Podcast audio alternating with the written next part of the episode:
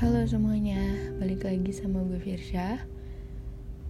Um, kali ini gue bakal bahas tentang quarter life crisis atau bisa dibilang krisis di seperempat kehidupan. Masa di mana seseorang yang biasanya berusia 25 tahun mempertanyakan dan mencemaskan kehidupan di masa depan.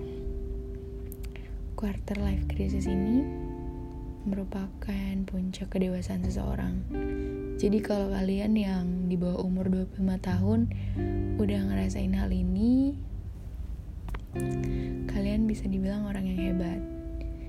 Biasanya orang ini ngalamin frustasi, depresi, bahkan terjebak dalam suatu kondisi kecemasan.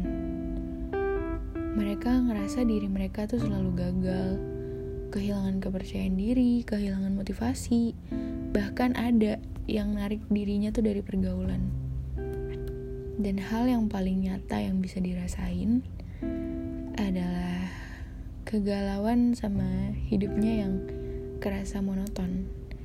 Gitu-gitu aja hidupnya. Biasanya hal ini uh, disebabkan dari tuntutan lingkungan, keluarga, temen dan seberapa banyak mimpi-mimpi yang memang belum tercapai. Sebenarnya kalau dibilang tuntutan dari teman sih enggak, tapi ya dari kitanya aja gimana. Jangan pernah bandingin kita sama orang lain. Karena dalam menemukan jati diri dan kesuksesan itu banyak jalannya dan beda-beda setiap orang. Dan kita punya cerita masing-masing jadi nggak usah ngebanding-bandingin diri kita dengan yang lain. Uh, quarter life crisis ini biasanya ada lima fase. Fase pertama biasanya ngerasain terjebak sama pilihan hidup kita dan bingung. Terus uh, kayak merasa keberatan sama hidup kita yang monoton gitu yang gitu-gitu aja. Fase kedua biasanya ada pikiran yang kayak gue tuh harus keluar dari situasi kayak gini. Dan uh, pikiran ini tuh awal dari semuanya. Bisa ngubah kalian dan hidup kalian ke depannya. Fase ketiga keluar dari hmm, kerjaan.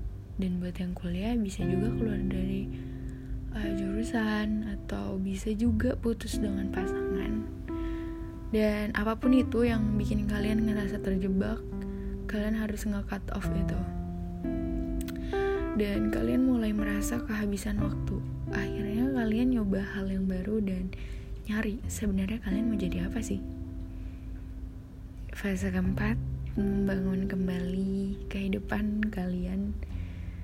Dan fase kelima ngembangin komitmen baru yang lebih sesuai sama minat kalian jadi kalian harus nikmatin hidup kalian karena kalian udah ngejalanin hal yang kalian suka. Dan untuk kalian yang lagi ngerasain hal ini jangan khawatir kalian gak kehilangan diri kalian. Dan sekarang mungkin kalian gak tahu apa yang kalian pengen tapi gue yakin pasti kalian nemu jalannya. Good luck